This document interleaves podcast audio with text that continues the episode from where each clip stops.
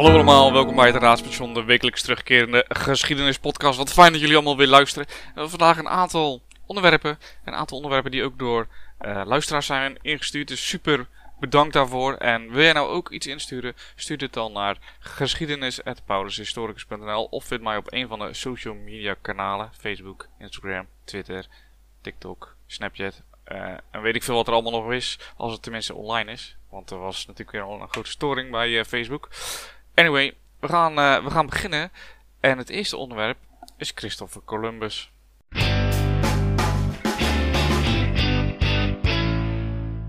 En dan hoor ik jullie denken, Christopher Columbus, hè? de man die Amerika heeft ontdekt. Tenminste, als je ervan uitgaat dat de mensen die er woonden niet hadden ontdekt dat ze in een land woonden. Anyway, um, er is natuurlijk een grote mythe rondom Christopher Columbus. Hij dacht als enige in de wereld dat de wereld rond was. Nou, we weten inmiddels, en als je deze podcast vaak hebt geluisterd, weten, we inmiddels dat dat echt complete onzin is. En de Grieken, die wisten al dat de aarde rond was. Maar nu blijkt ook dat de notie dat ja, niemand wist dat Amerika er was, dat dat ook al niet klopt. We hebben al eerder vastgesteld dat eh, de vikingen uh, voet aan land hebben gezet in waarschijnlijk Canada. De Chinezen, dat is nog een beetje een discussiepunt. Dat zal waarschijnlijk niet kloppen. Uh, maar nu blijkt dus dat 150 jaar voordat Columbus überhaupt voet zette op Amerika, dat eigenlijk al bekend was dat daar nog een continent lag. Wat is nu het verhaal? In 2013 werd er een uh, document gevonden dat dateert uit 1345. Het document blijkt uh, na analyse van de Milaanse monnik Galva Fiamma te zijn. Paolo Cisa heeft het een en ander onderzocht en in dit, in dit onderzoek blijkt dat er uh, passages in het document zijn die verwijzen naar een gebied dat we tegenwoordig eigenlijk Noord-Amerika noemen. Ja, en deze passages, deze geruchten komen allemaal uit Genua. Want het blijkt, Genua is, uh, of was een roddelgebied voor uh, nieuwtjes. Hè, scheepslui kwamen daar aan wal, die vertelden verhalen die ze overal gehoord hadden. En een van die verhalen ging over landen in het uiterste noordwesten. Deze verhalen kwamen van de noordelijke havens van de Schotse, Britse, Deense en Noorse zeelieden, met wie de zeelieden uit Genua handelden.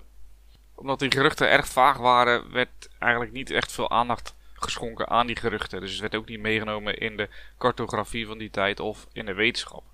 Maar waarom zouden wij nu die monnik wel moeten vertrouwen en dat het om Noord-Amerika gaat? Nou, die monnik heeft eigenlijk wat veel monniken in die tijd deden, uh, veel ook niet, moet ik natuurlijk erbij zeggen, is dat hij de mondelinge verhalen min of meer checkt bij andere mondelinge verhalen. En in al die mondelinge verhalen zoekt hij naar gemeenschappelijke elementen. Als laatste heeft hij ook verslagen opgezocht gewoon scheepsverslagen, zeg maar. En uh, elementen uit die verslagen heeft hij ook weer gecombineerd met alle verhalen en verschillende elementen die hij daar heeft uitgehaald. Dus al met al heel veel elementen, merk ik. Uh, maar hij heeft het wel gecross-checked, zeg maar. Dus hij heeft wel gekeken of dat bepaalde zaken één keer voorkomen en het een sterk verhaal is, of dat het op meerdere plekken voorkomt. En daarmee blijkt het een best wel betrouwbare bron te zijn. Um, Waaruit dus blijkt dat er ruim 150 jaar voordat Columbus überhaupt dacht aan naar uh, Amerika te varen, dat er dus al mensen waren die wisten dat er een soort van continent lag. Nou, waarom mensen niet hun best hebben gedaan om in die tijd al daarheen te gaan, heeft er waarschijnlijk mee te maken dat de omschrijving van het land ging om een uh, ja, meer of, min of meer guur en onvruchtbaar land. Dus het was niet echt um, ja, waardevol om te proberen daarheen te varen. Want ze, ze verwachten er ook niks te vinden. Maar hieruit blijkt dus dat niet alleen Columbus, of de mythe rondom Columbus niet klopt dat hij als enige dacht dat de aarde rond was. Maar ook blijkt dus dat er al andere mensen eh, zeker het idee hadden dat er al iets was. Ja, wat de vraag is dan waarom hij dacht dat hij via die manier uh, naar India kon varen. Ja, dat is, uh, dat is niet helemaal duidelijk. Misschien was het gewoon net zoals uh, dat we eerder hebben gesteld, was gewoon een pannenkoek. Die, uh, die niet beter wist. Hè? Uh, de echte reden waarom hij ging varen naar het westen. Is dat hij dacht dat de aarde kleiner was dan dat hij daadwerkelijk was. Hè? Dan had de Grieken al berekend. Dus hij dacht dat hij er sneller zou zijn. En daartussen kwam in één keer dat continent dan zetten. Ja. Het is, het is heel bijzonder. Het blijft een bijzonder verhaal, de Columbus. En het blijft nog bijzonderder dat uh, dit jaar op 11 oktober het Columbusdag uh, is in Amerika. Hè, waarop ze eigenlijk vieren dat Columbus voet heeft gezet op het land uh, Amerika, wat nu Amerika is. het, ik vind het echt bijzonder. Ik, ik snap ook niet waarom dat gevierd wordt. Hè. Als je ziet wat voor enorme hoeveelheden mensen hij vermoord heeft. Wat ook in die tijd, hè, daar hebben we het al eerder over gehad. Ook in die tijd was dat niet toelaatbaar eigenlijk. Hij heeft er ook voor in de gevangenis gezeten. In die tijd, hè. We hebben het over 1500. En in die tijd was het al niet oké om zoveel mensen te vermoorden voor je eigen rijkdom. En tot op de dag dat hij stierf, dacht hij dat hij in India was aangekomen. Dus ja, eigenlijk was het gewoon een fucking moron als je het zo, uh, zo bekijkt. Maar goed, dat is mijn ongenuanceerde, ongezouten mening. Dus daar mag je natuurlijk zelf vinden, uh, van vinden wat je wil vinden. We zien dat in de wereld uh, steeds meer aversie daar tegenkomt, hè, tegen Columbus Day. In sommige staten in Amerika noemen ze het al Indigenous People Day. Um, je ziet dat beelden beklad worden van Columbus ja, ik, ik, ik snap daar wel, uh, ik snap dat wel. Ik, ik, ik, kan me daar wel iets in vinden, weet je. Ik kan me ook voorstellen natuurlijk dat je als Amerika zijnde toch min of meer die ontdekking wil vieren op een of andere manier. Maar om dan Columbus, de massamoordenaar, ja, ik weet het niet. Ik vind, uh, ik snap hem. Ik snap waarom mensen enerzijds die beelden bekladden, bekladden. Maar ik snap ook dat Amerika behoefte heeft aan een soort van milestone, soort, ja, wanneer zijn we ontstaan, proberen te vieren. Zover even genoeg over Columbus. Laten we doorgaan met een volgend onderwerp. Eh, en dat is een onderwerp. Uh, het is weer helemaal, heeft helemaal niks met Columbus te maken. Een hele andere tijd. We gaan namelijk naar de Tweede Wereldoorlog. En dat is ook een onderwerp wat ingestuurd is door een luisteraar. Bedankt daarvoor, want het is echt een, een onderwerp wat niet vaak behandeld wordt, maar wat wel eigenlijk super grappig is en super interessant is. En we gaan het hebben over de Mounsel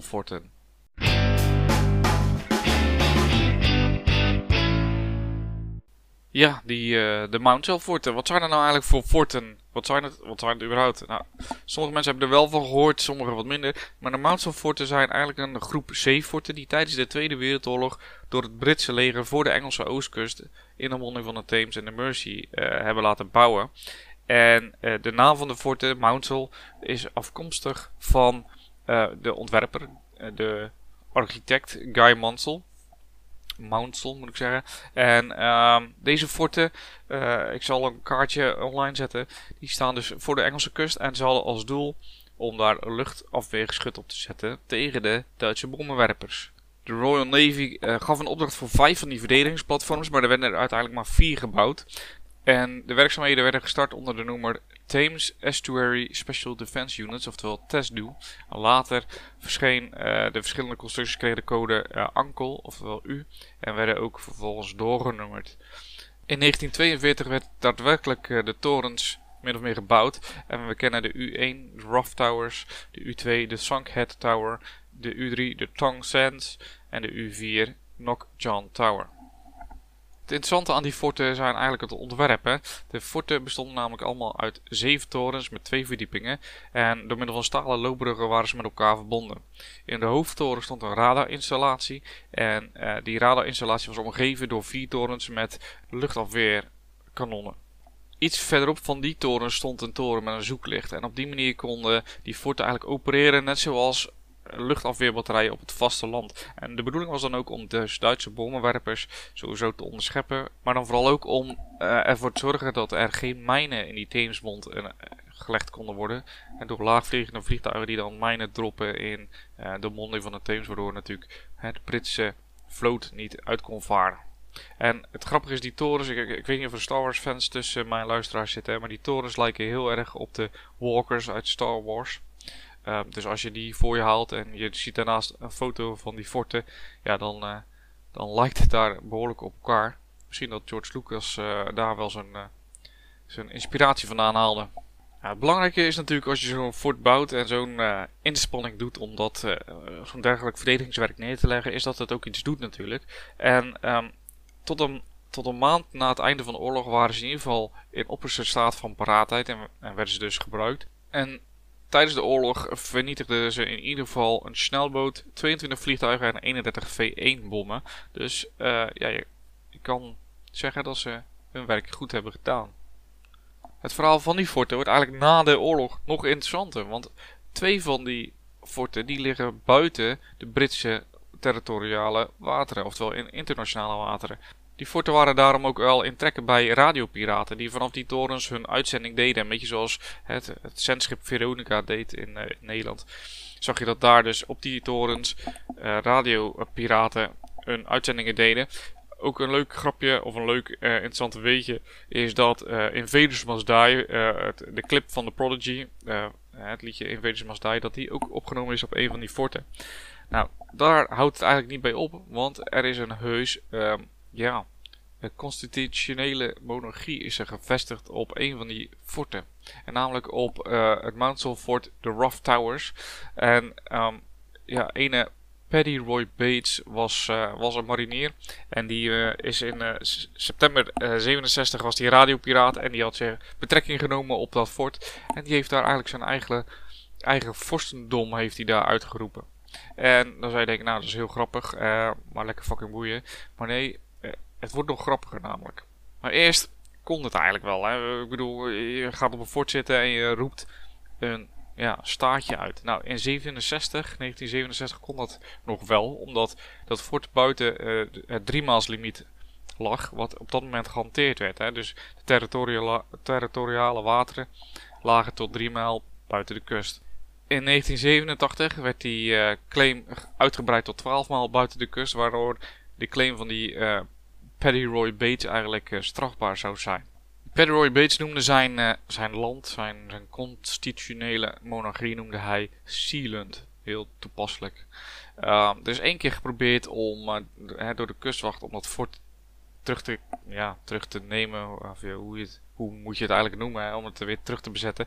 Maar ze werden beschoten vanaf een van de ladders. En toen heeft de, de kustwacht gedacht van nou laat maar zitten. De overheid van Sealand refereert aan dat incident als een terroristische aanval die kon leiden tot het verlies van levens en een conflict met de Britse, Nederlandse en Duitse overheden. Dus dat is wel, uh, ja, ik vraag me toch af hoe je dat dan, eh, hoe, hoe je dat dan voor je ziet, maar dat was niet het uh, enige conflict. Er is ook een conflict geweest in augustus 1978. Toen kwam namelijk een groep Nederlanders met een Duitse advoca adv advocaat naar de eilandstaat om handelszaken te bespreken met Sealand.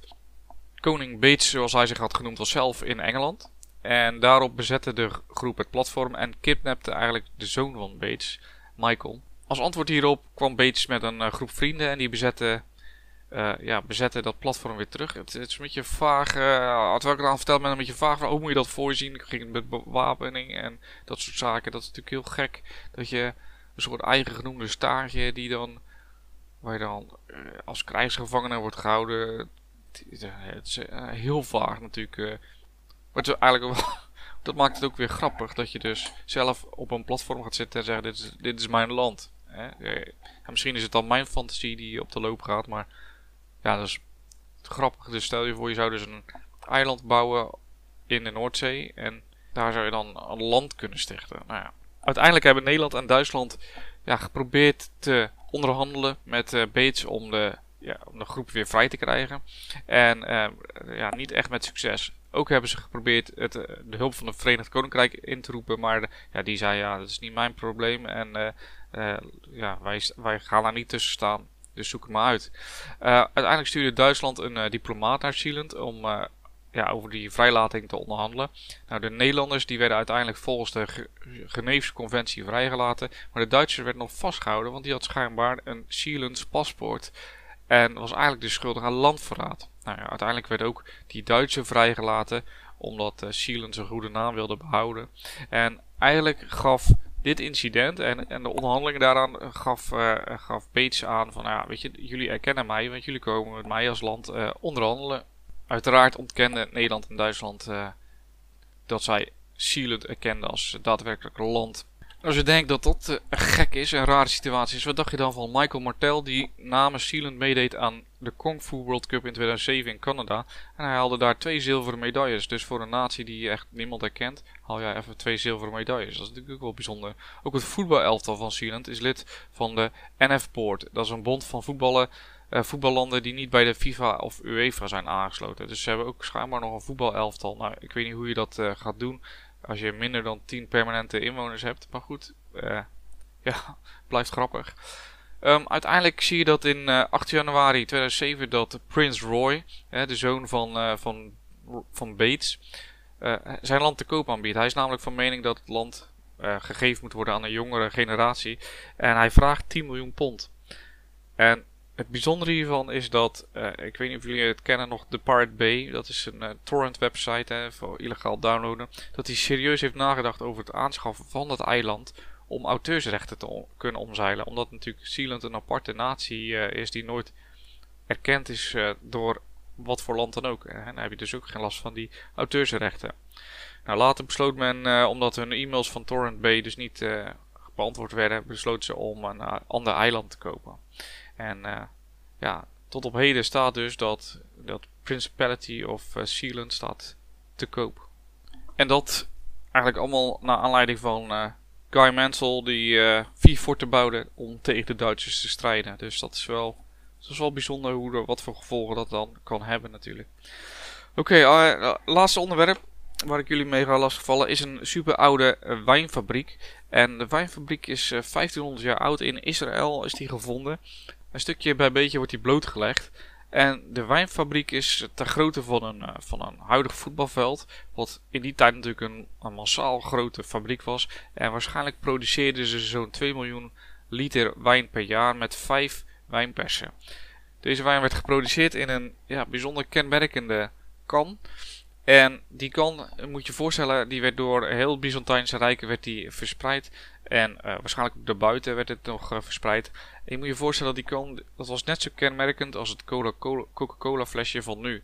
Dus op het moment dat jij daar een, uh, in een restaurant zat en je wilde een fles wijn en je kreeg zo'n mooi kan wijn met die mooie vorm, dan wist je, hey, dat komt uit die fabriek in Israël en is super lekker. Het is natuurlijk wel super gaaf om te zien hoe dat soort bedrijfjes eigenlijk eh, super belangrijk en super groot waren in de oudheid. En dat dat, als je dat vergelijkt met de productie tegenwoordig, is dat natuurlijk helemaal niks. Maar in die tijd was dat super veel en super groot en ook erg belangrijk. Dus uh, ja, ik ben heel erg benieuwd. Uh, ik zou er eigenlijk wel eens een keer heen willen, als ik heel eerlijk ben.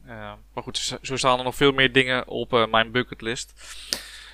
Ja, en dan een van de dingen die niet staat op mijn bucketlist is het afsluiten van de show. Want ik uh, zou nog uren door willen praten. Maar vandaag niet meer. Uh, volgende week uh, ben ik er niet. Is er geen podcast. Heb ik vakantie. dus ik wil jullie ja, een fijne vakantie wensen. Mochten jullie vakantie hebben. En anders gewoon lekker werksen. mochten jullie ondertussen nog vragen hebben. opmerkingen of items die je op of in de podcast zou willen horen. Stuur je dan naar geschiedenis.paulushistoricus.nl of vind mij op een van de social media kanalen. En dan wens ik jullie nogmaals een uh, fijne vakantie als je vakantie hebt volgende week. Uh, en anders werk ze. En dan hoop ik dat ik jullie over twee weken weer terug hoort met nieuwe, interessante, leuke, grappige, historische onderwerpen. Later!